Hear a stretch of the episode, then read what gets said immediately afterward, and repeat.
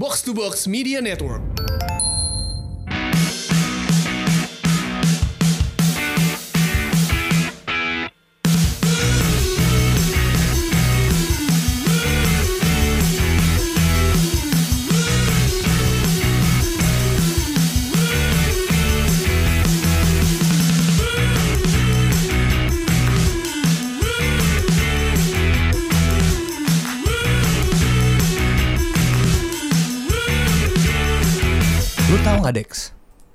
Masa ya? Abis kemarin udah kita jelasin cara bikin podcast, Masih ada. masih ada yang nanya. Kita mau jawabnya nggak? Jawab Oh, lah, iya. karena sudah ya memang lebih baik kita memberikan jawaban saja gitu kan. Jadi kita ulang saja tidak apa-apa. apa-apa, nggak apa-apa. Em, kalau lu mau mulai bikin podcast, pastinya yang paling penting lo mesti punya ide, lo mesti punya konsep, lo mesti punya niat. Tapi where there is a will, there is a way. Way. Dan way itu adalah lu pakai Anchor aja. Uh, Iya. Obviously semua podcast kan ini biasanya kebanyakan didengerin di Spotify, Spotify, kan, ya. kecuali lo anti mainstream lo dengerin di platform lain. Um, Anchor kebetulan juga ini perusahaan milik Spotify, jadi gampang lah bikin lo semua untuk bikin podcast all in one. Dia juga mendistribusikan bukan Yes. hanya ke Spotify tapi ke platform Benar. lain. Jadi tidak all eh, tidak hanya all in one, tapi one for all One for gitu all. kan. Uh, pastinya gratis, jadi tenang aja tanggal tua lo masih bisa bikin podcast. Nah. Kalau ada alatnya, lo bisa ngerekam, lo bisa nyimpan, lo bisa ngupload, lo bisa, Bisa analitik, ngedit, nah. analitik Lihat lo bisa analitik, ngecek uh, profil audiens lo.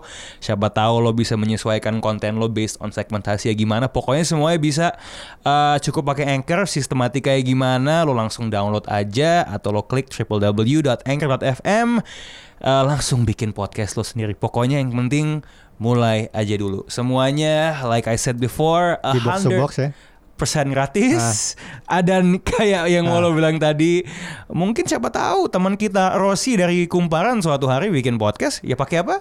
Pakai Anchor. Pakai Anchor. Ini pasti. Rossi, Rossi lagi ya sekarang? Ada Rossi lagi karena demandnya tinggi gitu. Oh, demandnya tinggi Gitu. ya. Tapi iya, Ini, gua- ini kita trio caretaker berarti ya? Caretaker bener Bos. sampai eh, tim intinya pulang Ah. dari Manila. Ah. Eh, untungnya ada typhoon ya. Mohon maaf, ini bukannya mau insensitif soal bencana alam, jadi tertahan. Em, tapi kan ini win-win solution kan. Kita dapat exposure lebih banyak.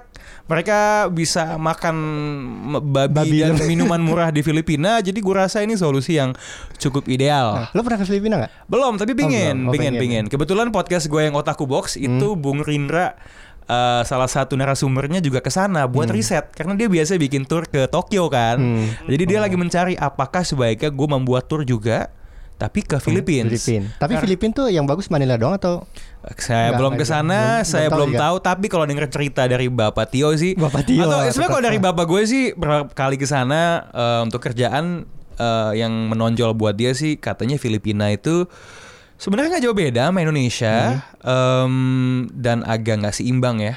Nggak seimbang Maksudnya eh, cuma di di Manila tuh one part of it aja yang benar-benar Oh, mungkin lebih I maju see, I kayak see. SCBD tapi sisanya ya agak backwater gitu. Cuman ya buat orang seumuran gua sih pasti oh kalau buat gua pribadi Hah? ini gua menyesuaikan sama apa yang gua lihat di instanya eh twitternya Rindra di situ ada minuman ke kesayangan saya ya setelah bikin podcast Oh iya Jepang ada. Strong, Zero, Oh dijual di Filipina. dijual dijual Dengan harga Filipina atau harga impor? Gue belum nanya Belum gitu. nanya ya? Permasalahannya yang ke sana Rindra. Rindra tidak peduli soal harga. gitu. ya udah kita langsung ngomongin soal bola aja. Eh, ada gua Rana, ada Dex, ada Halo. Rossi. Halo, ada Rossi juga di sini. Eh, bebas mau dipanggil caretaker lineup. Kemarin interim, gua interim. interim. Interim. Em, gua kalau dari segi karakteristik gue kemarin namainnya nerd lineup. Nerd Eh, lineup. Bebas. Julukan itu penting ya. Hmm. Eh, lu udah punya pandit komputer. Hah? Rossi mungkin akan menemukan julukan. Gue sampai sekarang gue belum punya julukan loh. Gua, Katanya all round apa? Iya, all around. Iya, tapi Oh itu mah peran ya? peran gitu. Bukan Jadi julukan. bukan bukan mesti sesuatu yang lebih lebih ngehe dikit kali. Hmm. Maksudnya kalau agak menyinggung gue juga nggak apa-apa gitu loh. Karena itu itu jokes yang ongoing Hmm, di podcast sebelah. Kalau semua tamu gue punya nickname, bahkan banyak yang gue kasih nama. Hmm. Tapi gue sendiri nggak punya gitu. Iya ya, lo pernah bilang itu. Yes. Waktu Randi bertamu kan? Benar dan Eh Randy itu bertamu atau menamukan diri dia? eh, yang mana nih? Yang Ke- kemarin terakhir Randy ke Box out. Box out. Oh box out kebetulan nggak sih gue yang minta dia Oh, minta gitu karena itu podcast one on uh, 101 soal basket Oh, kan iya. gitu kan. Jadi emang sekalian yang nanya orang yang nggak ngerti. Hmm. Walaupun udah ngedit 53 episode box out, Hmm? dia masih belum tahu basket. So I must be doing Oh iya, something Padahal wrong. dia ngedit ya, bener juga. Iya gitu kan. Oke, ngomongin soal bola. ah, kemarin tuh juga ada yang sempat nanya kan, wah ini ada Dex nih topiknya jadi banyak gitu kan. Eh, Sebenarnya Kayak Queen- belanjaan. Kayak belanjaan gitu. Emang list downnya jadi banyak gitu. And it's good. Maksud gua itu memudahkan kita untuk oh nih ah, nge-list down apa aja yang lagi seru gitu. Cuman kita mungkin mulai dari yang paling klise dulu kali Klise ya. ya? Klise. Yang paling menjual. Eh, Apa emang paling jual? Liga Inggris kan kalau dari segi viewership ada yang lebih tinggi bang ya? Gue kira Piala Dunia sepak bola pantai. Eh, Li- Liga Inggris lu, lu pada nyamannya mau ngomongin apa dulu deh? Gue lempar to the floor gitu. Eh, silakan Dex Eh, yang membuat list. Liga Inggris itu yang paling apa? Paling disorot itu tuh sekarang klasemennya kan Liverpool 42 poin. Ya, bawahnya ya, ya. Leicester 32 poin, Man City 29 poin. Hmm. Jaraknya memang jauh sih 10 poin cuman kemarin itu yang jadi poin adalah di mana John Joe Shelby jadi penyelamat Liverpool di gol menit akhir menit 86 lawan City kan. Ya. Mm-mm. Dia juga kalau nggak- kalau nggak salah di wawancara ya, habis itu Liverpool perlu berterima kasih kepada saya gitu. Iya. Karena Man City dibuat imbang. Nah, terus ternyata Everton mungkin nggak ikhlas si tetangganya itu bisa berjaya. Akhirnya dia yang tadi udah unggul rela di dibobol. Ini secara nggak langsung 2-1. maksudnya. Iya dan sama ex pemain City. Iya, iya Kelsey. Iheanacho gitu kan. Em, yang dimasukkan oleh Brandon Rodgers Brandon mungkin ke situ kali kali ya. Oke. Em, ya tapi eh, Liverpool gua sebenarnya tidak seperti biasa kayak minggu lalu gue tidak banyak nonton bola ya disclaimer dulu di awal gitu ya. Em, tapi mungkin dua hal yang menarik dari ngelihat Liverpool dan konteks persaingannya adalah ya apa yang mereka lakukan ini ini mungkin terdengar agak klise tapi it's winning ugly kan sering banget Iya, iya. banget lo denger pandit luar tuh bilang sebuah tanda bahwa tim ini akan juara adalah dia bisa menang walaupun tidak bermain dengan baik gitu kan dan Iya. baik pun parameternya juga macam-macam obviously satu hal yang gue lihat sih secara konsisten dari pertandingan ke pertandingan sering Liverpool itu golnya dan expected golnya banyakan eh, golnya gitu kan. Hmm. Itu kan Iya. tanda kalau sebenarnya secara kualitas peluang nggak oke Nggak oke oke, banget. betul. Tapi ketika dapat sebuah peluang berhasil dikonversi. Kemarin golnya tuh dua-duanya Virgil ya. Redundant ya, maksudnya dua dan dan dua-duanya dari asis Trent Alexander Arnold ya. Em, dua hal yang mungkin menarik buat dibahas kalau ngomongin kedua pemain ini. Em, Van Dijk obviously ngelihat peran dia selama setahun eh, ke belakang mungkin Ballon setahun setengah ya malam ini? Ballon d'Or atau enggak malam ini di saat podcastnya diambil Di saat publish sudah tahu ya siapa Ballon d'Or-nya. Ah, ya, Oke, dia- kita mungkin gak bahas itu ya. Iya bisa aja ya. Tapi ini ini by the way ini hal yang biasa loh. Kalau di podcast basket sering banget soalnya gue ngomongin sesuatu anjing pas pagi-pagi kejadian sesuatu yang menegasikan hal tersebut. Akan akan unik lah kalau dia yang menang gitu. Tapi juga soal Trent Alexander Arnold. Kemarin tuh gue sempat eh, ngebaca thread diskusi gue lupa apakah Michael Cox soal playmaker itu sebenarnya siapa sih? Iya dia, Iya, gitu dia, loh. dia untuk Betul. untuk yang ya jarang-jarang dari sayap kanan dari back sayap Benar. kanan. Hmm. Nah, Biasanya dari tengah kan udah Hmm. paradigmanya playmaker tuh. Prolific sekali Tapi dia. ada ada masa di mana si Jose Mourinho juga memainkan playmaker tuh di sayap loh. Mesut Ozil Real Ya, Madrid betul, ya, betul, white betul. playmaker ya. Kalau gua rasa salah satu yang mem- mempopulerkan istilah white playmaker yaitu Mesut Ozil Mesut di Ozil, ya. itu tuh. Jadi gua pikir Waktu di Real Madrid Ah, berarti ya. Dan gue pikir apakah Alexander Arnold dis- layak disebut playmaker? Iya mungkin juga gitu. Hmm. Karena beberapa kali gue ngelihat salah satu yang dilakukan oleh tim-tim lawan Liverpool itu adalah dengan pinning down jangan sampai nih Alexander Arnold maju nih Lepas, gitu. Karena ya. ini bahaya gitu. Dan gue rasa itu Man United juga melakukan itu pas satu-satu kemarin di Old Trafford lo gitu. Alexander Arnold bagus gak ketika dia kehilangan bola dan defensifnya lah? Gue gue lihat sih bagus. Eh, salah satu yang masih gue menurut gue kurang adalah ngadepin pemain-pemain yang cukup tricky gitu, agak pacey. Marcus Rashford, Rashford misalnya, misalnya. Ah, dan gue selebihnya gue pikir eh, nggak banyak sebenarnya pemain yang secerdas Rashford ditaruh di eh, sayap gitu. Kebanyakan cuma cepat doang gitu. Nah, gue pikir kalau misal di Premier League ya susah nggak ng- ngalahin. Dan sebenarnya kalau lo ngomongin soal Rashford, eh, lawan Alexander Arnold memang itulah taktik yang dipakai sama Betul. Mourinho. Itu sudah ada dua pertandingan Mourinho ketika di Manchester United di mana menurut gue taktik dia oke sebenarnya. Eh, Iya. Lawan Liverpool ya pasti. Eh, salah lawan satunya. Liverpool. Pas yang habis itu dipecat. dan dan sempat ketika lawan Chelsea di musim di mana Chelsea juara di bawah Conte khusus pertandingan itu seingat gue MU main 3-5-2 Iya. itu itu dua pertandingan di mana oke ini m- tanpa tanpa harus terlalu terbebani dengan stigma bahwa dia bermain parkir bajai atau apalah ya gue agak menghindari itu istilahnya. Tapi di, itu dua pertandingan di mana oke he still got it gitu. Gue Iya. lihat sayangnya tidak terjadi uh, terus berulang kali gitu loh. Tapi um, ya ini pemain yang ketika di pertandingan seperti ini sangat-sangat berguna tapi dan cukup konsisten tapi selalu terbuka kemungkinan kayak yang diimplikasikan sama Rossi tadi menjadi sebuah target lah. Iya. Maksud soalnya kan memang uh, back four-nya Liverpool tuh oke gitu kan. Mungkin tidak ada pemain yang jelek-jelek banget gitu, tapi kalau ada satu yang lebih bisa dieksploitasi dari yang lainnya, pastinya dengan tendensi dia untuk maju mungkin dia yang akan ditarget deh karena Betul. Andy Iya. Robertson gue Iya, belum iya. cek statsnya Iya. Robertson musim ini tapi dia sangat-sangat underrated dan sangat-sangat konsisten. Alexander Arnold tuh ternyata gue lagi cek statistiknya nih dia chance created terbesar di antara back Nah. bersama Mhm. bersama Benar. Lukadin bersama Lukadin. Wow, Luka di Everton. wow, wow. Da, Gue gua bacanya Dean tuh gitu ya Dean ya? Dean. Eh, Dinnya tuh Dean ya? Oke, Nah. gue pernah tahu selama ini. Iya, di, gua gua ngeliatnya sih eh, agak jarang ketemu back kiri yang konsisten di Premier League dan gue seneng banget ngeliat eh, Robertson. Dulu yang sangat konsisten tuh gue ngeliat tuh Ashley Cole sih. Ashley itu Cole, eh, dan hmm. itu Hmm. jarang banget orang bilang dia world class padahal menurut gue dia oke banget gitu. Eh gue ngeliat bahwa Robertson sih defend first attack kedua Attack-nya. gitu ya. Itu Bener. menurut gue dia dia menyeimbangkan eh, eh, Alexander Arnold di sisi kanan dan gue ngeliat dia lebih firm ya ketimbang Alexander Arnold yang eh, quick thinking gitu. Hmm. Hmm. Oke, um, probably that's about it kalau buat Liverpool sama Crystal Palace. Ini setelah kejadian eh Liverpool lawan iya kan Palace? kan? Brighton. Eh, Siapa? Oh Brighton, Brighton, sorry. Eh salah. by the way Liverpool kemarin main 10 pemain kan? Iya. Itu kalau di Apa yang Tottenham terjadi? kalau Alisson kartu merah. Oh, kartu merah. itu oke. itu kalau di Spurs bukan 10 pemain 9 pemain tuh. Soalnya Ali ya Mason. Aduh. Tapi sebenarnya Joko hebat loh. Gue gua tuh agak agak mikir gitu. Gue gak gue gak gue gak dapet gitu.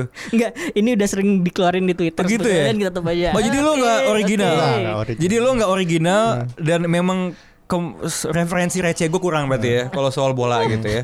I'll get you one day. Um, mungkin seperti biasa ini podcast sering dituding podcast Manchester United. Hah? Mm-mm. Ada Rossi Finza di sini. Oh iya, United. Eh, silakan eh, waktu dan tempat saya Aston bersilakan. Villa ya. Gue gue agak he- sedikit Jack heran Grealish. gitu. Misalnya Jack Grealish Nah, gua, bisa. itu loh, gue heran Jack Grealish kok belum dipanggil timnas ya. Siapa Tyron Mix dipanggil? Soalnya namanya Ah. Grealish bukan timnas. Wow. Wow. oke. Eh tunggu tunggu tunggu. Gua gua gua gua skip kenapa kenapa? Ya dipanggil timnas. Halo timnas. Oh literal bang ah, fuck this shit. Udah gua gua pulang guys. Enggak. Hati-hati, Ran. Gue gue agak kesel ngeliat gimana Jack Grealish tuh bisa berada sendirian itu sisi kiri Itu tanggung jawab siapa sih eh, harusnya Andreas Pereira harusnya eh, Pereira sama Wan Bisaka gitu kan dan gue ngeliat bagaimana sebetulnya Oh gini, banyak orang bilang bahwa Man United ini kok udah beli puluhan juta pounds Harry Maguire kok backnya masih jelek-jelek aja. Ya iyalah wajar aja pertahanannya jelek, eh, midfieldnya kena overrun gitu terus gitu. Hmm, Gue heran gitu ngeliat bagaimana Pereira tetap ditempatin di holding midfielder Ih, meskipun dua berhasil ya bersama Fred. itu lo memiliki dua pemain tengah asal Brasil di lini tengah lo. gue rasa mungkin lebih baik kalau misalnya emang ada yang lebih natural di posisi itu James Garner gitu ya mungkin Iya, ya Garner. belum terbiasa tapi seharusnya layak dicoba lah away uh, away formnya Villa musim ini kan jelek gitu. Harusnya ini kesempatan yang bagus untuk nyoba seorang holding midfielder murni di situ. Ketimbang lo naro uh, seorang Pereira yang emang udah nggak cocok di Ya, role bukan dan di posisi ha. itu gitu. Dan gue ngeliatnya sih kemarin satu Man United itu uh, gampang banget diterobos makanya pertahanannya gampang jebol. Kedua ketika mereka build up bingung mau ngapain. Itu penyakit dari dulu. Gue nggak tahu kenapa. Apa yang kemudian sih mereka itu? Mengandalkan kecepatan doang sih. iya gitu. Jadi gue gue punya teori begini. Eh ada dua hal. Pertama eh, creating space. Kedua finding space. Yang dilakukan Man United adalah finding space. Udah lo coba cari cari space gitu. Eh, itu kontraproduktif Sementara kalau lo creating space, lo mencoba gimana caranya penempatan posisi pemain kah? Atau lo gerak off the ball seperti apakah gitu? Dan itu lo mengusahakan itu. Jadi ketika ada tim yang misalkan eh, defense katakanlah deep atau rapat gitu lu masih bisa mencoba gitu. Itu pendekatan yang lebih proaktif kalau gue bilang. Menurut lo nih Ros ya, kalau ngeliat komposisi pemain MU sekarang, do they have the weapons untuk bisa bisa uh, creating space? Maksudnya gue ini kembali ke jangan sampai Dex ngomong bit of both sebenarnya. Cuman seberapa besar ini karena ketiadaan pemain atau karena memang uh, taktik dan apa ya mungkin drilling dari Ole itu belum bisa mencapai itu gitu loh. Gue gua gua rasa lebih kepada drilling pelatih belum nyampe ke hal itu karena gue gue ngeliat oleh terlalu naif gitu. Em, dia tahu bahwa pemainnya nggak bisa pakai cara yang dibebasin semuanya, Hmm. tapi dia malah melakukan itu. Ya Jadi kan kalau misalnya gua ngeliat, oh tipikal pemain gua nggak bisa nih dikasih free roll semua, ya udah lu rollnya begini, lo rollnya begitu, kita pakai plan ini, lebih saklek gitu. ya Mesti mestinya seperti itu. Makanya gue pikir ini lebih kepada ke drilling ke pelatihnya sih. gue gue pengen tarik eh, sebagai orang yang nggak terlalu ngikutin MU day by day ya gue pengen tarik sedikit ini kan terkait sama pengalaman pelatih juga nih gue agak narik dari Yes, poin lo yes. tadi kan dan kalau kita lihat ke belakangnya sebelum Mourinho ada pelatih yang tipikalnya kayak Louis van Gaal. Hmm. yang kalau gue baca di buku eh, zonal marking ibaratnya kalau ada dua sekolah total football Johan Cruyff membebaskan eh, Louis van Gaal Iya. ini super Batasi. dogmatik nih lo Ah, ke sini posisinya bla bla bla bla bla bla gitu kan tapi kan itu juga agak gagal ya di di, di zamannya dia Iya. ya a- apa sih sebenarnya perbedaannya sekarang sama Lo tau udah gagal dari mana? Emang menang sesuatu atau FA Cup satu doang. FA 1 ya Cup, ah. itu yang Jesse Lingard golin bukan sih Be- eh, yes, betul. Kayaknya Lingard. Gong, eh, gong Lingard. Oh itu yang Alan Pardew joget-joget ya? benar Oh jadi itu sudah bisa menjadi parameter kesuksesan MU ya? Gue gue Ah. coba double checking aja sih. Jadi sebenarnya Van Hal itu agak anomali gitu. Eh, ketika Ah. dia punya dok pemain yang dok eh, gaya yang dogmatik seperti itu, tapi komposisi pemainnya justru kebanyakan yang free roll. Oke. Angel Di Maria, Iya iya eh, iya. iya. yang yang benar-benar flare-nya justru sangat-sangat bagus. Gue gue pernah membaca bahwa ini kalau misalnya pelatih yang dogmatik ya, Ya. katakanlah Mourinho. Hmm. Mourinho punya 11 orang role-nya pasti di define satu-satu. Dia cuman ngasih free roll paling ke satu, dua orang doang gitu. Nah, Oke.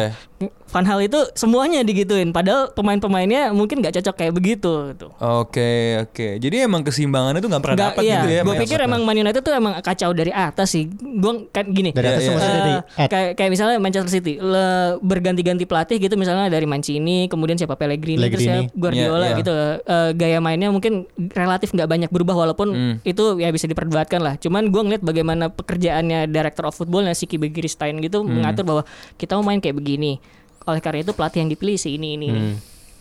Man United nggak ada yang kayak begitu Hmm ya ya. Tapi ya. Man United sekarang seenggaknya apa memiliki pemain-pemain yang akademi yang dimainkan. ya itu kebanggaan Tapi itu kebanggaan gue atau semua atau enggak ya? bener sembuh sih sebetulnya Kemarin misalnya Brandon Williams jadi starter ya. Iya, tapi kalau Brandon Williams emang menjanjikan sih. Walaupun bagus gue ya. merasa bahwa sebagian besar mungkin eh, kecuali Williams masih ada beberapa pemain yang mesti di loan dulu. Tahi Chong gue menurut gue pas Tahi lagi Chong. Liga Eropa kemarin Oh Europa. League tuh pemainnya anak-anak semua ya, kecuali Gran ya. Ya makanya gue gua gua heran ini udah mainin anak-anak like, harusnya nggak ada excuse lawan Villa nggak menang. Iya bener sih. Oh ini Ole udah kayak orang main FM ya Wonder Kid Wonder Kid Iya. yang dimainin ya. Oke oke. Em, Iya, eh, gua kira di per- minggu kemarin itu makanya gue ngeliat MU seri itu kayak oh ternyata lagi-lagi nggak mau kalah sama Arsenal dalam urusan mencari derita gitu loh. Em, gua nonton 6 menit terakhir Arsenal. Arsenal lawan Norwich. Norwich, ya. Pengalaman yang mungkin 3 4 tahun yang lalu tuh surreal, Yes. tapi sekarang sudah menjadi sebuah hal yang normal. Arsenal yang digempur sama sebuah tim yang Promosi. yang promosi yang lagi nggak bagus Lagi juga. nggak bagus tren ya bener. Gitu kan. Em, gua gua sih to be honest sample size satu pertandingan jendela waktu yang sangat sempit Nah, sebenarnya nggak belum. fair untuk menilai Ljungberg tapi gue sih nggak ngelihat perubahan yang yang signifikan gitu formasi juga 4-2-3-1 ya 1-2 tiga pemain mungkin diganti tetapi em, pada minggu-minggu terakhir Emery kan dia juga sangat banyak mengganti pemain kan. Jadi gue nggak bisa bilang itu sebuah perubahan yang yang drastis. Um, gue udah sering melihat pertandingan di mana Arsenal ya sedikit lebih bagus tanpa ada end produknya. I've seen it through the years over and over again. Uh, pressing yang setengah-setengah pada akhirnya tidak gitu. Um, dan penyakit klasik Arsenal yang menurut gue nggak akan pernah gue nggak gue sih nggak tahu sih kapan sembuhnya. sembuh. Defendnya jelek sekali. Kemarin diselamatkan Leno berkali-kali. Leno berkali-kali. Eh, Arsenal tuh sebenarnya eh, tim yang punya apa ya? Menurut gue dia nggak punya tim, tapi dia punya se- seseorang di depan dan seseorang di belakang. ya, dia Seorang punya di depan dan di dia punya Leno sama Aubameyang buat nge-bail out lah. Betul. Setiap kali permainannya nggak jalan gitu kan. Tapi seriously ya. Kayaknya kemarin juga banyak yang nge-screenshot eh, proses kejadian gol pertama Norwich lawan Arsenal. Timu Puki yang sudah mandul empat pertandingan. Tiba-tiba. Agustus 2019 lagi. Iya. Oh, dan ternyata ini loh, bukan bukan hanya dia tidak mencetak gol dalam empat pertandingan, gol dan assist. Jadi kontribusi dia nggak ada Iya, gitu loh. benar. Akhirnya Arsenal menjadi tim yang berbaik hati memberikan dia kesempatan. Gue lihat tuh itu situasinya Norwich tuh nge-break pakai dua tiga pemain. Arsenal tuh punya empat pemain. Hmm. Kayaknya situasi yang secara normal berdasarkan mata adalah 2-1 untuk Arsenal, dua back sat- itu harus dilihat sebagai dua penyerang Norwich, satu back Arsenal Arsenal. gitu loh. Kayaknya matematika itu agak terbalik kalau kita ngomongin soal pertahanan Arsenal gitu loh. Um, Mertesacker kemarin uh, ada di bench Ada di juga. bench, ya. Mudah-mudahan dia sebagai back walaupun pertahanan juga nggak bagus-bagus banget ya di sih, zaman dia Mertesacker. kecuali pertengahan pertama 2013 2014 mudah-mudahan dia dengan kemampuannya mengorganisasi bisa menjadi semacam uh, Steve Bolt figure lah gitu. Um, tapi gue juga nggak tahu juga ya kalau kan kalau ini gue nggak gue gue tuh nggak pernah ngelatih atau main bola apa gimana gitu ya Dex ya. Hmm. Tapi gue tuh inget ya sekali gue gue iseng ikut kayak camp workshop taktik. Eh gue lupa yang ngadain tuh si si Ganesha tuh yang di Ganesha. Pamulang. Em, ada si coach Danur ini kan fundamental gue ngeliat mereka ngelatih. Oh ya oke back kalau ada dua satu satu nge-press, eh, nge-charge, Iya, satu nge-cover. Hmm. Mustafi sama David Luiz. melihat itu ya? Gue tidak melihat itu. yang dua-duanya nge-charge. yang satu nge-cover, yang satu nge-cover rumput gitu loh. Itu tuh aneh banget.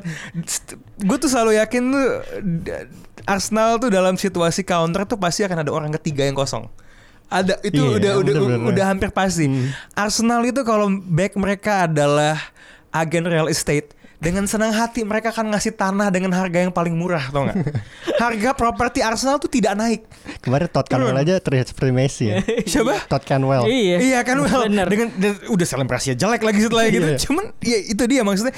I think Arsenal are really good at making mediocre players look great. Good, great. Nah. itu tuh sesuatu deh. Kalau lu mau kalau ada sebuah pemain up and coming mau naikin nilai sahamnya gitu, Silahkan lawan Arsenal. lawan Arsenal. Soalnya gue lihat kemarin juga ujian yang tepat sih sebenarnya bagi Ljungberg soalnya ya itu tadi li- apa Norwich sedang dalam tren buruk tapi ternyata menurut gue dua-dua kurang kurang kurang oke lah. Tapi kalau dari lihat statistik memang Arsenal ya ya mau dikatakan apa menguasai pertandingan cuman Enggak, nggak berhasil. tidak tidak.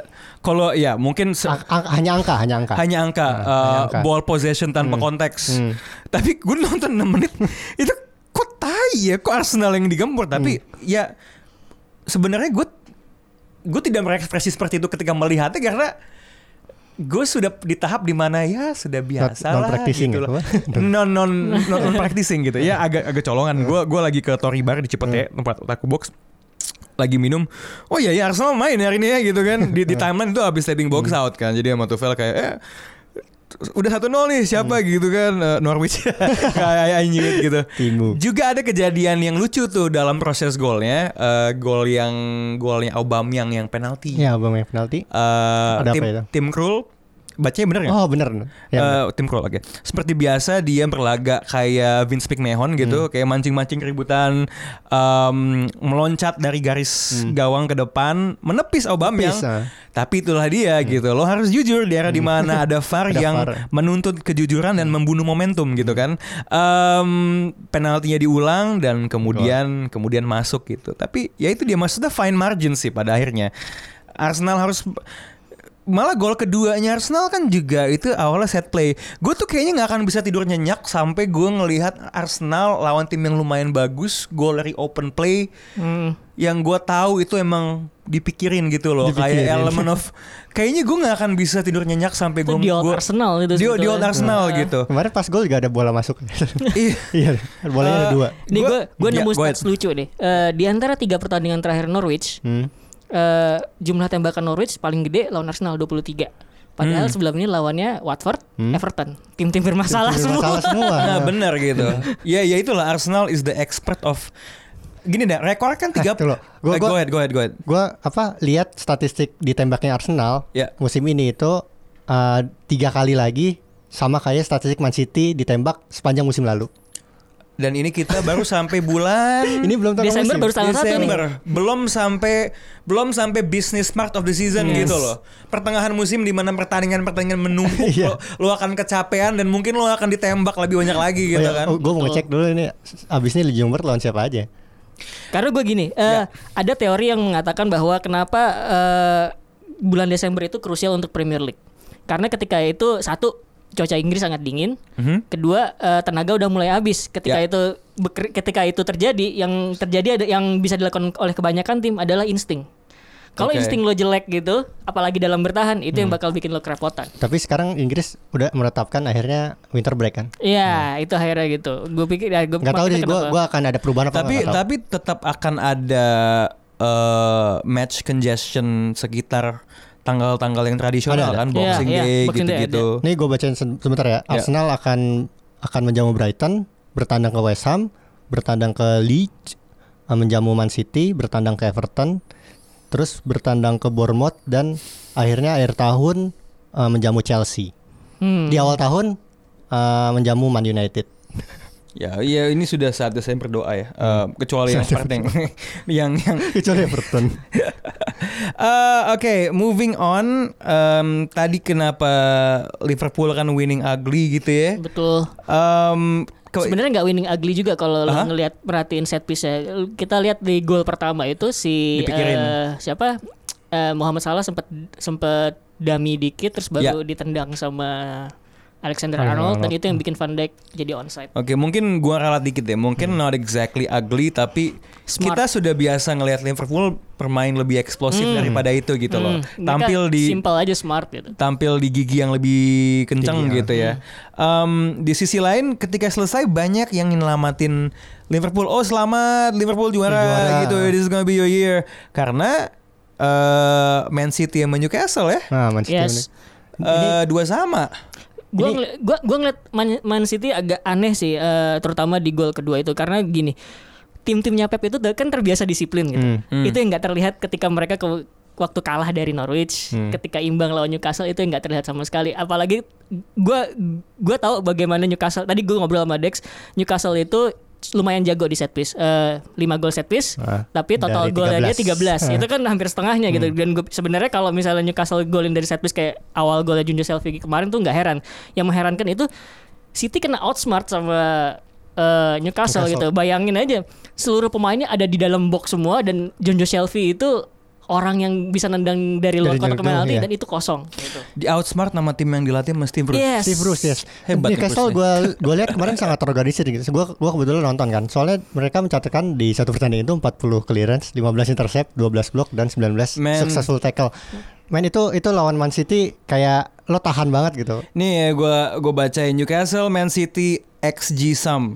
Newcastle United 0,2. 0,2. Man City berhasil 2,2. Dan Dua sama. This Iya. is football. ya ya benar sih dan harusnya kalau ngelihat bagaimana sebelum ini kan mereka berarti golin cuma 11 kan. Hmm. Hmm. Hmm, empat eh, free kick harusnya sebagai orang yang sangat memperhatikan detail Guardiola tahu Guardiola itu tahu, ya. bagaimana betapa berbahayanya Newcastle gitu kalau Tapi mereka juga sulit nge-crack juga si Newcastle. Iya, iya. Maksudnya Man City kesulit nge-crack soalnya gue lihat eh, mereka bertahannya apa eh, langsung jadi lima kan. Hmm. Si. Iya. sayapnya itu langsung turun betul ke bawah. betul. Terus si apa tuh yang pemain pemain tengahnya tuh si Almiron sama siapa? Lupa gua. Asis Almiron pertama ya sama buat eh, Osimhen. eh, gol apa apa asis ya? Asis. Asis pertama, iya asis pertama Almiron di Iya, Liga Almiron. Inggris ya. Em, lu tau gak siapa lagi yang men- eh, kalah meskipun tidak mendapatkan hasil maksimal walaupun mendominasi expected goals. Chelsea Chelsea. Oh iya lawan 2,7 lawan West Ham, xG, West Ham 1,2 pada akhirnya. Itu orang bakal mengira Chelsea akan berjaya karena West Ham trennya juga lagi buruk. Iya. Ternyata kemarin mereka memainkan kiper yang gue juga nggak tahu itu siapa, David siapa? Martin. David Martin ternyata 33 tahun usianya. Untuk ngegantiin kiper dia yang biasa dikatain kan. Heeh. Iya. Siapa namanya itu? Roberto. Roberto, Roberto tuh. itu, Iya, itu iya, juga iya. kiper pelapisnya sih. Dan dia mencetakkan clean sheet kemarin. Hmm, jadi ini ma- Chelsea menangis. nggak gue cuma mau nge-follow up ini sih sama omong- omongan kemarin ini Chelsea masih trust the process ya. Eh Iya, yes. terus- Trust the process ya, oke. dan gue dan, dan tetap gue bilang sebenarnya Chelsea itu ya terbantu oleh ekspektasi orang-orang. Kemarin tanpa Temi tapi ya. Iya. Iya, Olivier Giroud di depan ya. Agak pinter sih West main 4-4-1 4-4-1-1 itu agak balance Ya, gimana kemudian kalau misalnya Chelsea big susah nge-crack mereka mereka tahu Chelsea main tiga wide, eh, tiga gelandang serang dan satu penyerang gitu dan itu gue gue pikir berguna banget gitu. Eh, ini eh, sedikit masih di pertandingan tadi ya, tapi dalam konteks yang lebih luas gitu ya. Eh Michael Antonio, dia tuh sebenarnya sekarang posisinya apa ya? Dia tuh Penyerang bisa, sayap bisa atau aja sih. Oke enggak, gue gue tuh lagi ber- men- mencoba ber- berpikir ya orang yang pada awalnya lebih sering bermain di sisi flank gitu ya wingback belakang tuh dengan postur sedia yang bagus di udara tuh siapa lagi ya? Gue gue Dia tuh posturnya nggak bagus sebenarnya. Iya, makanya lompatannya tinggi. tinggi ya, Heeh. vertikalnya tinggi Ah. gitu kan. Oke, nggak gue lagi mikir dalam sejarahnya siapa lagi ya pemain di di di posisi seperti itu tuh yang Yang sayap terus bisa meraut ke iya tapi tengah. tapi heading gitu loh. Gue gue gue susah mencari ini aja sih Kayaknya nggak. referensi Ah, gitu. Jarang iya. Jarang ya? sangat jarang betul. Jarang langka gitu ya.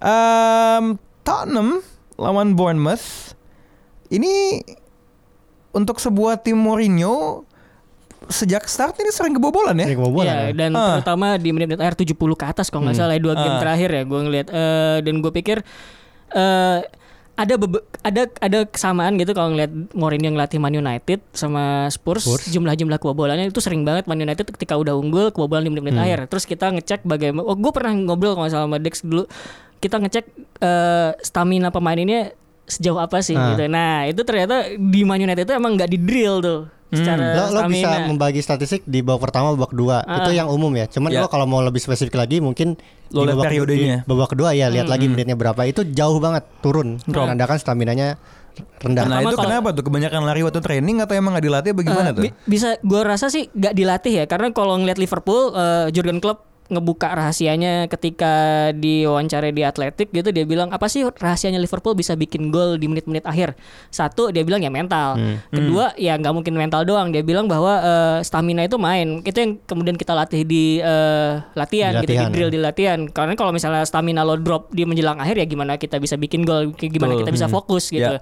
dan gue ngeliat kadang-kadang timnya Mourinho kadang nggak dilatih fisik se intens itu. Walaupun ini anomali juga portonya dia tuh sangat intens secara fisik Bener. nah tapi Man United enggak karena di zaman-zaman Man United dulu itu eh, pressingnya kendor di babak kedua Iya, iya. gue pikir itu juga yang kejadian sama Spurs ya gue nggak tahu apakah ini akan diperbaiki atau enggak atau karena masih nyari Masih baru ya. eh, eh, setelan yang pas gitu itu masih bisa dilihat lagi gitu Hmm, oke. Um, we'll see apakah. Tapi Spurs sih seharusnya kalau dari ngelihat mereka ke belakang gitu ya, um, total mereka lari, gaya mereka tuh Iya. seharusnya sih, bener seharusnya sih itu nggak jadi jadi masalah, kayak di Mourinho. kayak di United ya. Kayaknya Yang kita- menarik soalnya Mourinho bakal tuh? Mourinho bakal lawan Man United di sini kan. Uh, mau lo preview atau tidak? Terserah mau sekarang. Apa? Dex. Sebenarnya naturalis sekarang ya, Ah. udah, udah ngomongin MU Spurs. Silakan yang preview. Ya Mourinho kebetulan di tengah pekan ini bakal lawan Man United di Old Trafford lagi. Hmm. Nah ini gue lihat sih kalau lihat dari ya itu tadi catatan defensif Mourinho agak-agak aneh sih di tiga pertandingan terakhir kebobolan enam kali gitu. Terus juga kalau gue lihat dari analisisnya juga kebanyakan celahnya itu dari kanan. Kan kemarin kan udah dibahas tuh gimana Iya. Aurier Tronek. Nah, Naik, gue lihat iya. celahnya tuh dari situ. Jadi Tapi search- belum nyetel aja sih gue lihat. Jadi Serge Aurier akan dieksploitasi sama siapa? Atau bahkan nggak dimainin? mungkin. Rashford. Oh, enggak kayaknya sih. Bakal Oke. dimainin sih kayaknya. Alright. Em, gini deh, yang gue gue pengen tahu nih, menurut kalian berdua nih, Mourinho ini kan sering dikecam pelatih defensif ya kan, apalagi di akhir-akhir masanya bersama Manchester United. Sekarang dia datang ke sana bersama Tottenham. Sejauh ini mungkin juga karena kualitas lawannya kayaknya nggak terlalu banyak. Ya kan kita lihat kan kebobolan dua gol terus gitu Berarti kan. ini ujian pertamanya berarti Iya lo? ujian pertama cuman eh, yang gue penasaran sebenarnya adalah going to Old Trafford dengan segala beban dibilang lo tuh udah dinosaurus, Hmm. lo mainnya defensif dengan Spurs yang lagi kayak gini, will he seek to dominate the game atau dia akan reaktif? Kalau Gue misalnya bilang reaktif. Oh ya, Menurut lo gimana? reaktif itu kan luas ya. Hmm. Kayak gini, eh gue ngeliat ada satu di momen di mana Mourinho itu main ofensif di eh, Old Trafford. Jam satu-satu Chelsea lawan Man United eranya Louis van Gaal. Itu kalah dominan Man United. Oh, iya. Jadi gue pikir Hmm. ketika misalnya tim yang dihadapi terlalu rigid, Mourinho bakal ngambil kesempatan itu. 1-0 1-0 nggak apa-apa dia habis itu defense ya. Berarti bakal inisiatif Iya, bisa jadi ya. kalau misalnya dia lihat kesempatan itu kenapa enggak gitu. Itu hal yang menguntungkan United atau enggak menurut lo? Eh, menurut gue sangat tidak menguntungkan karena gue nggak tahu nih apakah siapa yang bakal main di midfield.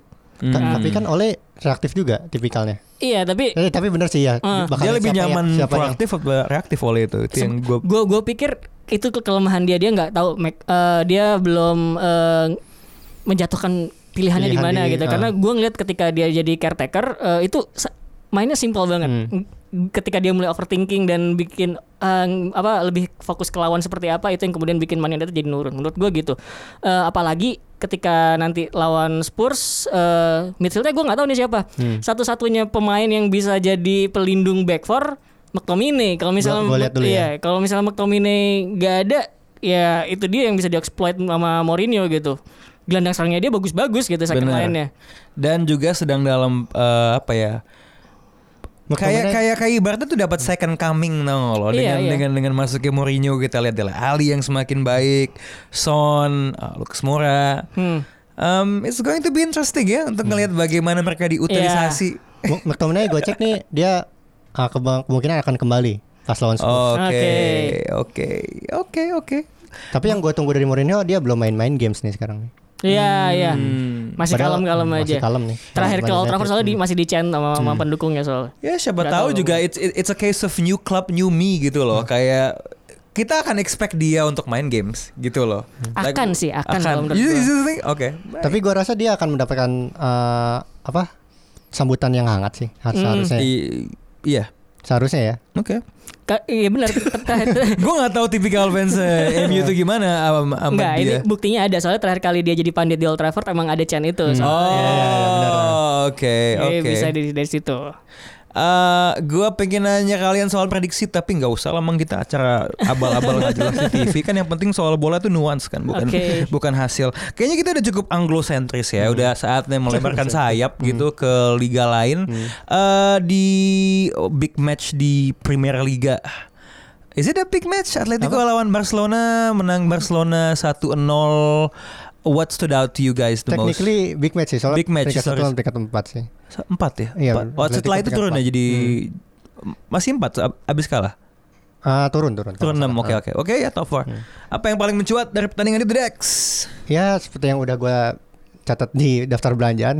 Lagi-lagi Messi beraksi terus juga Simeone ternyata belum bisa menang nih lawan lawan Barcelona di La Dalam Liga. berapa percobaan selalu? Se selam Ever? selamanya. Da- iya dari, dari masa lalu sampai sekarang. Tapi di La Liga doang. Di Liga Wah, Champions sudah pernah. Eh, waktu yang dia menang 2014 itu seri ya? Hmm. Kan last matchnya tuh di di di Camp Nou kan waktu itu ya kalau nggak salah ya. Itu di La Liga bukan? La Liga, La di La Liga. Nggak pernah menang. ya? Liga oke seri kali ya. G- si Griezmann Hmm? di beneran Oh iya Griezmann ada. Nah, mendapat eh, sambutan yang mungkin 300 eh, 180 derajat berbeda dengan apa yang akan diterima Mourinho di Old Yes. Trafford nantinya. Em, ada sahutan soal Dai, iya. sedikit intermezzo soal Griezmann yang kayaknya agak trying too hard ya sejauh ini. Em, Griezmann tuh buat gue sebagai fans basket tuh lucu gitu karena dia dia tuh basket banget kan. Iya, gitu loh dia selalu dengan Ah. NBA jersey Hmm, banyak konten NBA tuh sama dia gitu kan dia tuh sampai melak mencoba jadi LeBron kan dia bikin La Decision Nggak tahu, Eh, nggak tahu. iya Iya, sebelum pindah ke Barcelona. gitu. semusim sebelum pindah. Oh, Barcelona, ya. Jadi jadi plot twistnya di Hmm. decision dia, oke kita gue gak ngasih tahu gue ke mana, gue bikin acara TV persis kayak apa yang dilakukan LeBron James di 2010 sebelum dia cabut ke Miami. Betul. Hmm. Gak ada orang pihak yang tahu dia ke mana, dia bikin acara. Ya, ini sebenarnya enak buat ini kan dapetin duit iklan gitu Hmm. kan. Acara di satu channel bikin deal gitu, terus ngasih tahu gue ke sini Hmm. gitu. Plot twistnya kalau Griezmann waktu itu beda Bertahan. bertahan, Bertahan gitu bilangnya. kan. Oh, ya. Tapi menurut gue jadi agak katro aja sih ketika dia pindah di musim sebelumnya Iya, gitu loh.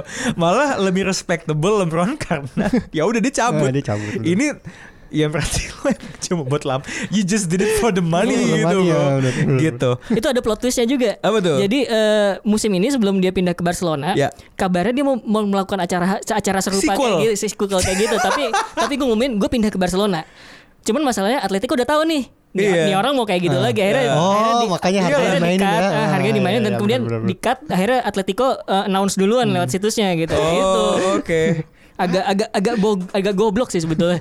Iya dan ketika lo bikin sesuatu dua kali ekspektasi adalah lo pindah sih justru plot twistnya Hmm. adalah kalau misalnya dia bikin dua decision terus bertahan lagi itu aneh banget Iya. ya. gue tadi ngelihat iseng nih eh, ternyata ada situs ini ya eh, karena gue biasa buka basketball reference buat basket ya kan. Ternyata sang mereka expand ada football reference Hmm. buat bola. Iseng aja gue to your point soal gimana Messi tuh selalu nge-bail out Barcelona ya. Em, Barcelona peringkat satu Goal for-nya 36 Messi. Expected goalnya 22 Berarti dia nge-outperform eh, Kualitas peluangnya sebanyak 14 expected goal. Itu itu gap yang gede Betul. gede banget loh Banget. kalau Atletico malah kebalikannya justru Atletico expected goalnya lebih tinggi daripada golnya berarti emang bapuk depan Hmm, depan hmm, gawang gitu bener, kan bener. dan kalau gue lihat sekelibat dari highlight especially di babak pertama sih Atletico lebih banyak eh, nyiptain peluang yang yang cukup besar gitu ya hmm. Em, kembali ke tadi se- mungkin soal Van Dijk tuh kita sempat menyinggung soal Ballon d'Or yang hasilnya akan naik saat podcast ini udah naik Didengar- gitu ya Didengarkan kalian. ah. Cuman kalau misalnya logika memilih pemain terbaik itu gua miripin sama MVP di basket. Kan yang dilihat kan value pemain individual Yes. terhadap Ah, timnya. Iya. Value-nya Messi Iya, terhadap bener, bener, Barcelona bener. itu gede Tinggi banget, banget, loh. ah. You take him out, itu dropnya tuh bener-bener drop loh. Mungkin itu tuh kali an- yang an- ada. Dia, gue tuh menduga kesuk, jangan-jangan kesuksesan dia sebagai pemain individual akan berjalan lurus dengan penurunan performanya Barcelona, Barcelona. selain dia gitu loh. Nilai dia Bener juga naik, ya. tapi tim itu nggak bagus gitu loh. Tapi Ya, iya sih, iya gue baru sih. kepikiran ya. Bener-bener. Jangan-jangan orang-orang yang ada di balik voter Ballon d'Or mikirnya kayak gitu. Iya gitu loh. Mungkin ini tahap di mana pemain Barcelona ini sengaja untuk membangun narasi kalau Messi ini hebat gitu loh. Gitu sih itu itu itu mungkin satu hal yang gue lihat sih the, the chunk of him tuh gede banget gitu. Kayak kalau mau lo tarik ke debat dia sama Ronaldo, you take Ronaldo out of Juventus tuh nggak Iya, Ah, nggak betul, nggak betul. nggak sebegitunya gitu. Padahal gue ngeliat gimana Barcelona tuh udah berusaha untuk eh, beli pemain yang untuk menyeimbangkan kalau misalnya Messi nggak ada. Siapa Osman? Dari, udah dari lama kayak misalnya gue inget gimana gimana eh gue ngebaca bahwa Alexis Sanchez itu bahkan lebih penting ketimbang mendatangkan Cesc Fabregas. Kenapa? Karena Alexis Sanchez ketika semusim sebelum Alexis Sanchez datang itu Barcelona itu kesulitan menghadapi tim-tim yang bertahan dengan garis pertahanan rendah. Makanya Ya. butuh seorang eh, game changer lain di Benar. dalam diri Alexis Sanchez. Kemudian ada eranya dia, ada eranya Neymar. Neymar, gue ngelihat dia sebagai kreator ketika tandem sama eh, tandem eh, trio MSN itu dan Me- Neymar nggak ada, Messi bisa melakukan peran itu dua-duanya. Gue pikir makanya gila ketika Barcelona udah berulang kali mencari orang yang untuk menyeimbangkan Messi, tetap aja ada yang nggak ada yang bisa ngalahin dia. bisa Terakhir kan. Griezzy kan Griezmann, ya itu juga belum eh, On the way kali ya? Iya mereka bahkan belum nyetel gitu, gue pikir. Dan kema- kalau ngeliat kemarin sih ex hosting aja gitu, gimana Atletico sama Barcelona sama-sama nyerang, kipernya sama-sama bagus. Ketika pada game yang sangat deadlock seperti itu ya, kemudian ya lo butuh seorang game Iya, changer ya Messi, ya Messi itu. itu, gitu. bener Apalagi ya lini depannya Atletico emang bapuk, emang udah dari lama sih kayak gitu. Ben. Ya tadi lo bilang SG aja rendah. Iya kayak Hmm. it's as if di satu sisi Barcelona tidak melakukan banyak hal at the end Messi saves them hmm. Atletico tuh mungkin jatuhnya kebalikannya gitu yeah. loh hmm. they do all of the good things di depan gue bapuk. bapuk. Itu sering banget eh, uh, gue ngeliat gimana Atletico itu pada akhirnya mengandalkan Thomas Partey untuk ngedobrak dari tengah gitu. Hmm. Ada beberapa pertandingan uh -huh. di mana si Thomas uh, Partey di, di, di, lu jangan bikin joke. Enggak enggak. Ya. Eh, dia dia nggak tinggal di Senoparty enggak enggak enggak enggak enggak enggak enggak. eh, lu kalau kalau ngeliatin Atletico sering gitu. Buntu Simeone masukin si Thomas atau siapa yang bisa dobrak dari second line itu udah pasti kayak begitu gitu. Dan nggak pernah berubah gitu. Dan gue pikir ya itu yang kemudian bikin lini depan mereka tuh ya bapuk. Eh, tadi ngomongin soal Messi juga gue jinggung soal Ronaldo Juventus. Juventus seri ya? Eh, Sassuolo. yes. Lawan Sassuolo dan ada sesuatu yang ini udah cukup lama tidak terjadi ya. Dan juga nggak terjadi. nih. Inter jadi Kapolri Inter, Inter, Inter naik ke puncak. Em, Sebenarnya sejauh ini persaingannya gimana sih eh, overall gitu loh, tanpa ngeliat satu pertandingan kayak Inter ini bisa sampai tahap ini eh, progres mereka di kancah domestik itu sebesar apa sih di bawah Conte? Di, eh, gua gua lihat Inter tuh akhirnya menemukan pelatih yang bisa nyetel sama sama Hmm. gaya permainannya, taktiknya gitu lah. Soalnya gak ada yang spesial dari Conte sih, masih sama. Lo kalau ngeliat Mhm. Chelsea di zaman mereka juara, Ya. ya seperti itulah taktiknya sekarang di Inter Milan. Dan Hmm. itu uh, works banget buat di Inter. Memang Main uh, dengan tiga di belakang apa? Iya masih masih, Masih, di masih. belakang. Sama klasik. oke. Nah, cuman ini di Serie A uh, gua rasa sih pada akhirnya Juventus akan akan juara. Cuman cuman ini memang memang harus harus dirayakan gitu loh. Hmm. Karena memang ini jarang terjadi Inter Inter memuncaki klasemen. Iya iya iya.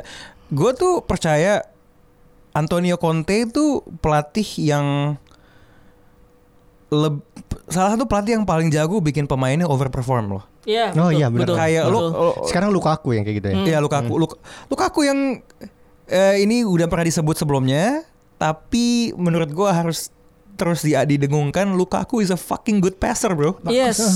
Tipikal passer men, pakai luar, pakai apa gitu loh. Oke. Sama dia juga running with the ballnya juga bagus. Bagus loh. emang. Hmm, hmm. Itu emang emang udah kelihatan bahkan dari zaman dia di Everton. Di Makanya Everton, kalau benar, misalnya benar. starting point larinya tuh kadang-kadang da- dari sayap. Hmm, Benar, Segede benar, itu benar. lari dari sayap. Enggak, bahkan di Piala Dunia Piala tahun lalu pun kayak begitu Ah. gitu. Iya, iya, dan, iya, iya, pikir- iya. dan gue pikir emang tidak mengherankan dan ketika dia ketemu gini, ke dia di Man United itu kalau gue ngeliat kurang diemong. Tuan Dimong justru. Jadi kayak ketika kemudian dia ketemu Conte yang emang bener-bener ini penyerang gue nih gitu. Iya. Nah itu barulah kemudian keluar kemampuan terbaiknya makanya outperform itu tadi gitu. Iya iya dan bu- gua gua kadang-kadang ngerasa dia tuh pemain yang he suffers from um, stereotipe-stereotipe yang kita punya tentang pemain yang bentukannya kayak gitu. Iya. Kan begitu di awal dia masuk kan dia kayak Drogba nih, Iya. powerful mainnya, ya Betul. kuat gede fisiknya, cuman jadinya orang tidak melihat aspek skill dan passing Yes. dia uh, dari first impression gitu Betul. loh. Bahkan kalau menurut gue lebih sering Lukaku itu eh, menang duel di sisi sayap ketimbang menang duel di tengah gitu. Hmm. Dia jadi focal point gitu istilahnya. Ya. Eh, lu, lu, lu jadiin target man, kasih bola, first touch-nya jelek. Hmm. Tapi kalau misalnya nggak jadi focal point gitu, misalnya kasih umpan pendek lah di sisi sayap, Bener. dia bisa melakukan apa pun dari situ. Dan dia juga suka run into space gitu Iya, tipikalnya ya. Gue Betul, betul. hit, hit mapnya Lukaku juga memang gak, gak di tengah kebanyakan menyebar ke Bener, sayap. bener, Nah, iya. Itu itu sama yang gue lihat ketika sebelum di Man United di Everton ya berarti. ya. Iya. Soalnya di Man United gue lihat hit mapnya nggak nggak nggak nggak Bener. semenyebar itu. Betul. Hmm. Dan mungkin juga oh, walaupun dia lebih nyaman mungkin nerima bola ke kaki, ketika dia bermain di sayap, otomatis kan dalam fase menyerang dia akan sering dijaga sama fullback. Hmm. Di mana biasanya fullback itu secara tinggi badan Tidak setinggi setinggi dia gitu back, loh. Jadi betul. k- let's say keti- walaupun mungkin dia nggak mau main bola atas juga lokasi akan lebih mudah untuk dia Yes, memenangkan duel-duel itu gitu loh. Tapi kembali ke topik overperform gue tuh karena gue mungkin kalau ngeliat Conte itu bahkan Chelsea ketika menang Liga Champ eh, Liga Champions lagi Liga Liga Inggris you look at that team that's probably not the best team player per player gitu Yes. loh. Kasus yang lebih ekstrim tuh pastinya ketika Euro 2016 kan. Hmm. Siapa lah Italia, ya. Eh, Pele lah siapa lah itu Hmm. di depan kan. Gue tuh selalu inget statementnya Conte di mana dia bilang yang paling penting tuh pemain gue jangan kebanyakan mikir. Jadi taktik gua itu diatur biar mereka itu optionnya tuh nggak banyak di palanya. bener. Karena kalau pemain selevel ini terlalu banyak pilihan itu kayak gua kalau gua ke Jepang, gua ke Lawson atau 7-Eleven gue liat jumlah onigiri. gua lama karena pilihannya ada 40 gitu kan. Dia tuh ngedrill biar emang apa istilahnya ada otomatism kan, cuman Iya. cuman dua Iya, tiga iya. simple gitu.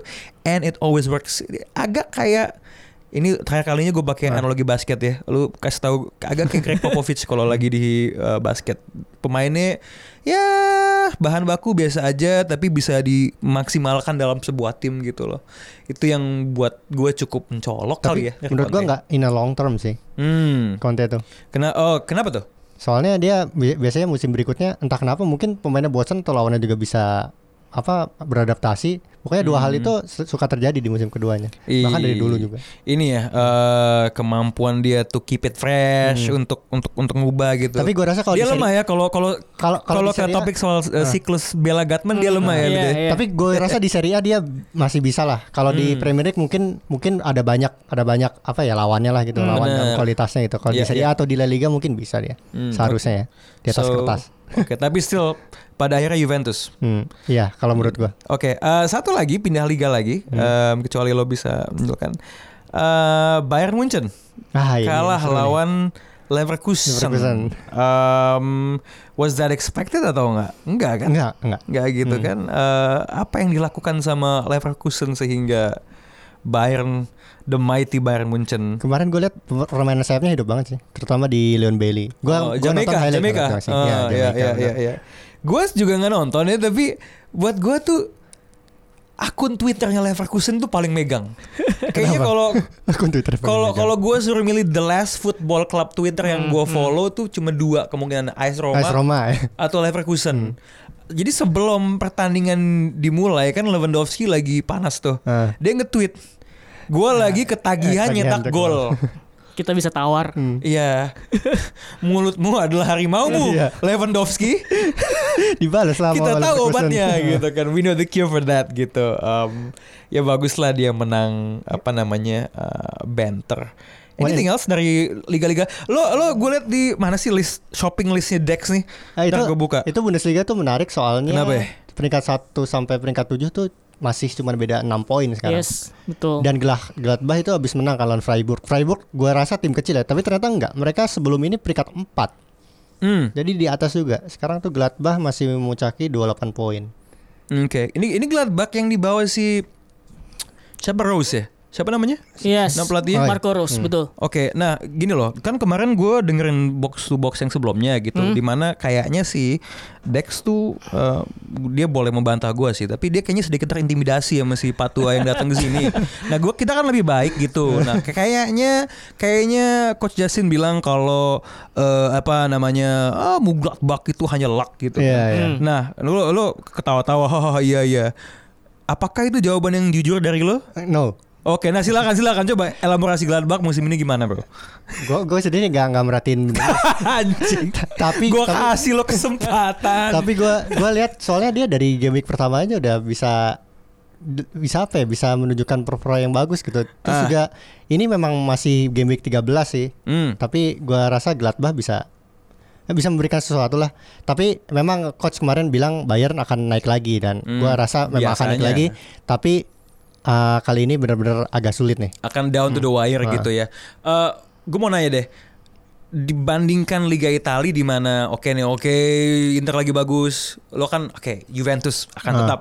Lo lebih yakin mana Juventus pada akhirnya akan menang Serie A atau Munchen dengan segala penantangnya tadi akan memenangkan eh, Bundesliga? Juventus. Juventus karena pelatihnya Munchen belum saklek atau gimana? Enggak, karena persaingannya juga enggak seketat juga oh cuman Bundesliga. ini ya jumlah-jumlah tim yang is in the running ya oke ya good answer gitu Eh, ya gue ngeliatnya Bayern Munchen juga sebenarnya dia, dia, dia ditinggalin Niko Kovac itu Iya, kan Niko bukan Kovac. karena Bayern jelek, jelek ah, sebetulnya. benar-benar. Tapi Mereka karena dapat juara iya Bundesliga. yang gue baca tuh ada ada gosip bahwa Kovac itu bukannya dipecat tapi gue ngundurin diri karena gue males ngeliat pemain-pemain gue nih gue suruh ngapain nge- Udah ngambilkan mal- dressing iya, room deh. udah udah kehilangan dressing room akhirnya dia mundur dan gue pikir sebetulnya itu bukan tanda bahwa Bayern Munchen jelek gitu jadi Iya. bahwa kemudian dia cuman kalah 2-1 ketika melawan Leverkusen itu ya kesandung aja istilahnya kayak gitu Hmm. walaupun ya Gladbach gue setuju sama Dex sih kalau misalnya apakah mereka luck No. Eh, luck itu kan bisa dibuat sebetulnya. Udah udah udah. Gue gue gue I'll, I'll just say it Eh, kan biasa kan biasa kalau anak penulis bola kan akan bilang ingat quotes Johan Cruyff coincidence is logical nah. Gue gue gue tidak mau situ sebetulnya. Tapi gue ngeliat gue gue pernah baca gitu gimana Marco Rose Ya. itu sebenarnya punya tipikal gaya main yang seperti Jurgen Klopp. Mhm. dia main pressing 4-3-1-2 atau main 4-4-2 berlian tapi bedanya dia nggak pakai sayap nah gue pikir eh, ketika menghadap ketika dia punya sebuah tim yang amat sangat direct dan pada sebuah liga seperti Bundesliga yang amat terbuka itu emang ada kesempatan buat dia tampil bagus sih gitu Oh jadi emang ya karakteristik dari liganya Yes. itu agak Iya. quote unquote mendukung dia untuk Betul. lebih dekat menangan. Oke, Em, wow 50-an menit banyak sekali Wah. pembahasan soal liga-liga Eropa. Enggak gue nggak mau ngebahas Boca sama Argentinos atau apalah yang lo tulis di situ. Enggak, ada, enggak ada. Oh enggak deh, itu Nggak minggu ada. lalu ya. Yakin Minggu lalu ini, itu. yakin ini sepak bola pantai nggak mau dibahas ini. box to box beach beach to beach Em, di segmen 2 segmen pendek aja kita bakal ngebahas sedikit soal hasil drawing Euro Drawing, ya. 2020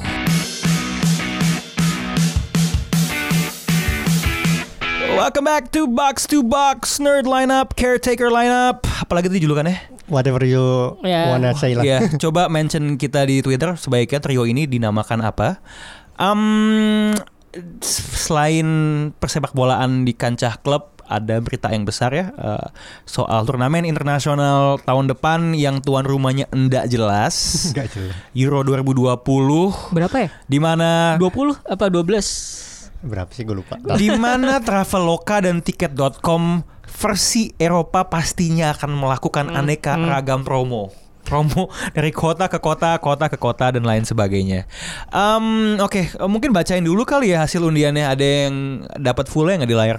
Lolos? Ya, grup A ada Turki, Italia, Wales dan Swiss ini udah lengkap. Eh, grup B ada Denmark, ada Finlandia, ada Belgia, ada Rusia. Grup C ada Belanda, Ukraina, Austria sama nungguin dari tim yang di playoff D. Grup D ada Inggris, Kroasia, tim yang lolos dari playoff C sama Republik Ceko. Grup E ada Spanyol, Swedia, Polandia, tim yang lolos dari playoff B dan terakhir F nih yang paling gila. Eh, Portugal, Prancis, Jerman satu grup semua sama nungguin satu lagi dari playoff A. Oke, jadi Dex grup yang kedua paling menarik setelah grup F itu grup grup apa? Kedua paling menarik. gua gua Atau lihat mungkin sih paling paling merata kali ya, jangan jangan menarik ya. Eh, rata ya. rata. Eh, grupnya apa ya? Inggris kali ya? Inggris mau balas dendam ya. So, Inggris Kroasia sama Kroasia. Ceko. Tapi playoff C ini nggak menarik sih soalnya oh playoff C lumayan Skotlandia, Israel, Norwegia atau Serbia ya. Oke. Hmm, gitu. Hmm. Dan ini kayaknya kayak dirancang It's Coming Israel Home. dong biar di boy- boycott sama Indonesia gitu. Wembley itu akan mulai di semifinal ya. Iya. Ah. It's coming home. Oke, em, menurut lo top dengan dengan pembagian seperti ini, Ros? Who, who is the top dog? Kayak Eh, gu- gua sih ngelihat Belanda itu bisa jadi top dog karena eh, persaingannya re- relatif lebih ringan dan Ah, iya dan iya dan dan Inggris mau nggak mau itu gua rasa diuntungkan gitu. Eh, Inggris- don't don't gini, jinx it, bro. tapi nggak gini. Italia juga sebenarnya. Inggris Ya. itu bisa loh ketika gue ngeliat Piala Dunia 2018 ketika gencar banget gitu di fase kualifikasi tapi di fase turnamennya itu bisa main agak pragmatis itu Inggris makanya iya. bisa mela- melaju sampai semifinal gitu dan gue pikir ketika ada sebuah turnamen gitu lo emang penting untuk menyesuaikan diri sih gitu karena hasilnya karena yang lo kerja ya result gitu turnamen kayak gini Gua menantikan Gareth Southgate ke Super Bowl eh, di bulan Februari untuk mencoba mengulik ada nggak ya skema-skema baru yang bisa, dia Bisa pakai dipakai ya. buat latihan Mhm. set play gitu Eh nantinya. tadi gua koreksi grup kedua terberat Ya. tuh grup A ternyata. ah, itu siapa? I- Turki, Italia. Italia, Wales sama Swiss. Italia, Wales, Turki sama Swiss. Swiss. Eh, Turki ini ya, surprisingly dia punya best defensive record ya Hmm. eh, Yes. di babak kualifikasinya. Satu ada si back Leicester kan yang suka marah-marah. tuh. Soyuncu. Yang Soyuncu. terakhir nggak dipanggil sih. Oh, I see. Mungkin ini dipanggil ini kan. Mary Demiral tuh yang di Juventus. Juventus, ya? yes. Oke, ya ya ya. Wales akan punya Gareth Bale yang lebih semangat main buat eh, Wales timnas daripada daripada buat Premier League. bahkan lebih Hmm. seneng main golf. Su- Switzerland, gua gua gak tahu sih Swiss itu selalu membosankan. Kan ada Granit. Xhaka pemain Nah, itu pemainmu itu. Oh iya, ini, eh, dia pasti akan mengatakan eh, saya ini dibesarkan sebagai pemimpin di di rumah akan ada satu anekdot-anekdot tentang masa kecil masa kecil yang penuh konflik gitu. Konflik, Ya. Ini anekdot ini siapa yang memunculkan Ya. sih sebetulnya itu yang soal kunci rumah gitu sih. Iya, itu dia. ya Allah kayak bahkan mau lo nilai dalam spektrum maskulinitas toksik pun itu tidak tidak sangar Iya, gitu loh. Kayak cupu gitu. Cupu banget gitu loh. Em, kenapa nggak punya kunci serep aja sih ribet banget. Atau atau kalau memang dia sejantan itu ya dia dobrak Dobrak pintunya kan aja. gitu kan. Em, mudah-mudahan Phil Neville akan menjadi pandit Kok yang Phil Neville? Oh Phil Neville. akan menjadi pandit Nah. yang yang tidak berisi Hmm. di dalam penayangan Euro 2020 karena dia kayaknya benci banget sama Shaka. Dia kayak punya agen personal vendetta gitu. Iya, iya. Gue gak pernah ngeliat komentator ngomong he's a phony. Lo tuh fake. Gue gue gue tuh sejak benci banget ya Maya. By the way kemarin kemarin tuh gue Ah. nonton Man United Aston Villa itu dari channel bajakan sih di CNBC. Eh CNBC-nya Amerika Serikat. Itu tuh Ah. itu tuh komentatornya MU banget itu. Oh ya yang mana? Robbie Earl yang mana? Ah, dia kan Yang- golin yang- gol- golnya Rashford itu kan dihitungnya bunuh diri. Dia bilang itu Ya. seharusnya Rashford. si Premier League gak lihat apa itu kalau boleh diterusin bisa Oh, ini bukan bisa- Paddy Crerand in disguise Yes. ya, anjing. itu dia ngulang itu sampai tiga kali. Oh ya ya ya. Itu by the way dari vibe-nya gue nggak tahu lo sadar atau enggak kan Premier League tuh tayangin pagi ya. Iya pagi dia. Rasanya itu pagi banget gitu loh kayak bener-bener. temen lo minum kopi mau makan breakfast gitu kalau tayang di New York. Eh, di grup B menurut gue cukup obvious ya. Eh, Belgia akan stand out. Uh, at least Iya. secara komposisi pemain. Em, Finlandia ini pertama Debut kali. ya. ah, Hmm. Ini yang ini, Finland akan menjadi fairy tale tim kita kali ya. Iya gak sih? Hmm. Kalau Iya, kemarin iya. Islandia ya. Ya. Ada Digital banyak sih sebenarnya yang kayak begitu. Gue ngelihat eh, Albania juga pernah jadi fairy tale team walaupun nggak lolos grup eh, Mhm. kalau nggak salah. Eh, Sama siapa kiper celana panjang tuh Hungaria ya? Iya si Gabor, Gabor Kirali. Kirali. Gabor. Itu akan selalu ada sih di Euro. Gue inget 2000 itu ada Slovenia dan ketika itu gue inget Jonathan Wilson ngomentarin bahwa gara-gara Slovenia bagus beli pemain Slovenia itu kayak lo harus punya se- eh, sebuah scarf gitu. Lo tiap-tiap lemari itu harus punya gitu. Hmm. Kalau Ada kalau Ada- tim ada tim kejutan gitu. playoff day sih sekarang mungkin. playoff. Playoff day ini pemenangnya kan antara Georgia, Belarusia, Mak- Makedonia Utara atau Kosovo itu juga bisa menjadi. Itu nggak mau dinamain USSR X Cup aja atau apa gitu Iya, ya? itu. Kayak semua pecahan. Iya. Itu Makedonia juga Makedonia Utara sekarang. Makedonia Utara sekarang. Belarusia itu technically membela Rusia deh. boleh, boleh, boleh, boleh. eh Denmark eh, mungkin Christian Eriksen akan bermain demi di eh, demi apa di Pinang sama tim gede kali ya. Eh, di Ada kemungkinan dia pindah dulu kan ya. Oh, sebelumnya. Betul. Oke. Grup C, C. eh, di Belanda. playoff day ya. Belanda obviously. Eh, yang lolos ya Iya, Belanda. Scotland, Israel, Israel. Oh, ini buat ini, buat ini ya playoffnya. Oh. eh enggak deng, C itu, oh enggak di D deng dia D, tadi D, ya. D. Yang tadi Oke. USSR itu Oh ya, se- Inggris, Kroasia juga ada Norwegia, eh, Martin Odegaard. sama Erling Braut Haaland. Pemain yang 3 4 yang tahun yang lalu kayak semua ngomongin gitu, ternyata dia Siapa? Oh, sebegitunya. Ah. Terus sekarang oh ya, it's Martin good, lagi, so it's nah. good gitu kan. Iya, iya. Dia Emang- tumbuh dengan bagus sih kalau gue lihat di eh, Sociedad. Sociedad, La Real eh, gimana dia mendapatkan kebebasan yang nggak dia dapat eh, Di Real. di Real Madrid ya ob- obvious gitu dia mainin cuma di B nggak ada di tim utama dan gue ngeliat dia bisa main lebih direct gitu sih di Sociedad Dan di grup E eh, Spanyol, Polandia, Swedia, Bosnia. Kalau eh, eh, eh, enggak empatnya kan ini kan eh, playoff kan. Em, Spanyol nih ada intrik ala Game of Thrones ya. Iya iya. Kenapa dia nggak dipilih? Karena dia tidak loyal. Iya, waduh ini siapa nih Peter Belishnya nih anjing. itu gue ngebacanya agak kaget sih. Kenapa lo nggak apa dan dan surprisingly Luis Enrique terang-terangan gitu kan? Iya, di presscon. di presscon dan bilang, "Ya, kenapa dia nggak dipilih? Karena dia nggak loyal. Karena gue bisa ngeliat orang ini ambisinya bagus. Ambisi itu bagus, tapi kalau eksesif ya itu. Iya, iya. uh, Tapi di uh, sisi lain si si si Enrique itu yang kayak gimana ya kayak eh, maksudnya kan konteks ketika dia ngomong seperti itu kan dalam interview ya. Iya. Private gitu. Lu bisa aja membuat kesimpulan itu secara private gitu loh kayak ada ah ini orang mau gue public shaming gitu loh kayak ah, gue gue lumayan lumayan kaget sih ngeliat itu. Em eh, Swedia gue nggak gue gue Gak tahu sekarang Swedia siapa ya? gue gue Oh, Forsberg. Forsberg Emil. doang ya. I'm always bored kalau nonton Swedia tuh, tuh ya Swedia.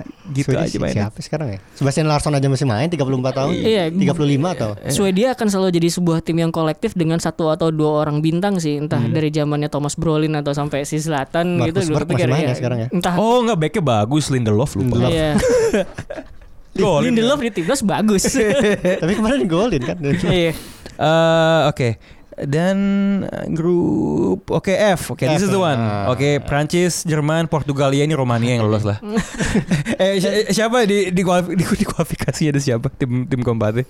Eh, yang bisa nemenin mereka itu eh, Rumania, Mhm. Atau siapa Islandia, Bulgaria, nih? Hungaria. Ya, itu. Tapi kalau Rumania Hmm. yang menang playoff, Rumania dimasukinnya ke grup C. Oh gitu. Nah, soalnya Rumania itu masuk jadi tuan rumah juga. Tuan Hmm, rumahnya di grup iya. C. Makanya mereka kalau Oh, menang Bu- bukan jadi- Bukares bukan ya? Heeh. Oke, oke, le- yaudah. Seriously, Prancis, Jerman, Portugal. Eh, Who's the secara, odd team out? secara kualitas tim yang lebih merata ya jelas Prancis lah gitu. Iya. Eh, Tapi pemain-pemain bintangnya lagi lumayan off form ya Iya, sebenarnya. g- kita nggak tahu gimana di musim panas tahun depan gitu kan. Ka- Mhm. Karena gue gue sering lihat bagaimana pemain Prancis itu nggak nggak nggak form di klub, tapi klub, ketika uh, gabung di timnas itu klop Bagus, banget ya. gitu. Ada. Terus juga di tiap di turnamen ada nama-nama baru yang muncul biasanya. Iya, kayak gitu. Dan karena itu kan gini, lu lihat Liga Prancis deh, tiap musim pasti ada aja gitu yang siapa yang muncul dan gitu. The next big thing. Betul. Yeah. Itu kayak Pepe yang pindah ke Arsenal. itu bagus sekali itu di Ligue 1. Prancis. Tahu-tahu di Pantai Gading, wow gitu anjing maksud. Jadi Pele di Pantai Gading. Oke, tapi nggak maksudnya menurut lo siapa yang like kalau lo harus milih ah nggak usah tadi gue agak jadi agak inkonsisten ya kan gue bilang kita nggak main iya. prediksi kan nggak usah kali ya Nggak usah lah. kita kita lempar ke Twitter aja gitu Betul. siapa di grup F eh, yang menurut you guys bakal lolos Prancis Jerman Portugal atau Tapi tim ini keempat di match day pertama langsung big match sih. Prancis Jerman. Oh, Oke, ini dua tim yang di di turnamen besar tuh saling mengeliminasi kan Yes, sebenarnya kan. betul. Di Euro 2016 Prancis yang ngalahin Jerman. Gue tuh tandingan itu gue lumayan kaget. Seharusnya menurut gue babak pertama tuh Jerman tuh unggul 2-0 men. Karena mereka nggak punya striker aja men. At the end, uh, dan di sebaliknya di 2014 uh, generasi Prancis yang pada akhirnya memenangkan Piala Dunia, Dunia. tuh belum jadi dan Hmm. kalah Betul. 1-0 kan gue masih inget ya di situ tuh ketika di perempat final kan Piala Dunia Brazil ya Mhm. Ya, 1-0 itu yang golin Hummels dia bisa dibilang ngebully uh, Rafael Varane Hmm. Ah ya. Hmm. Em, ketika mereka bertemu lagi tuh malah sebaliknya gitu Sebaliknya. Varane yang ngebully Hummels gitu Ya, Sebenarnya sih. Jerman ya Jerman menarik juga sih karena gue sering lihat bahwa setiap mereka gagal di sebuah turnamen berbenah. ya. itu akan selalu langsung berbenah Hmm. Eh, dan ini kan banyak pemain seniornya beneran lo udah nggak dibutuhin Iya, udah lagi dibutuhin. lo gue depak Terang-terangan, gitu ah. terang-terangan kayak gitu Siapa sih kemarin yang agak Eh, ngambek tuh? yang agak Boateng ya? ngambek ya pemain-pemainnya Bayar nih Hummels eh enggak justru Bayarnya yang protes dan ini Oh, pemain-pemain gue Oh, iya, kenapa benar, jadi nggak dipakai lagi sih kayak gitu itu Kecuali Neuer. klubnya gitu Eh, Kecuali Neuer ya. dan iya benar kecuali Neuer dan gue ngeliat kayak dari Piala Dunia 2006 gitu ketika mereka jadi tuan rumah terus hasilnya nggak maksimal terus oke ini saatnya berbenah dan kemudian yang gue baca bahwa bahkan sampai tim nasionalnya itu eh, encourage tim-tim lo main dengan cara kayak begini ya gitu. Biar nanti ketika pemainnya dipanggil ke timnas udah terbiasa gitu. Dan ya gue gue gue agak penasaran sih nanti di Euro Jerman bakal kayak gimana. Sejauh ini di kualifikasi standout playernya Nah Jerman kebetulan di kualifikasi kan segrupnya sama Belanda. ah. Jadi ya mereka dapat ujiannya udah pas sih. Ah, nggak, tapi kalau ngeliat komposisi pemainnya gitu justru yang paling stand out tuh siapa? Bukan Aduh, gua Serge Gnabry kan? Bukan. Eh, Serge Gnabry. Serge salah Gnabry kan? satunya, Iya, Salah iya. satunya. Oke, it has come to that. Oke, MU mengenalkan McTominay, Jerman mengenalkan Serge Gnabry. Gnabry. Hmm. The world of football.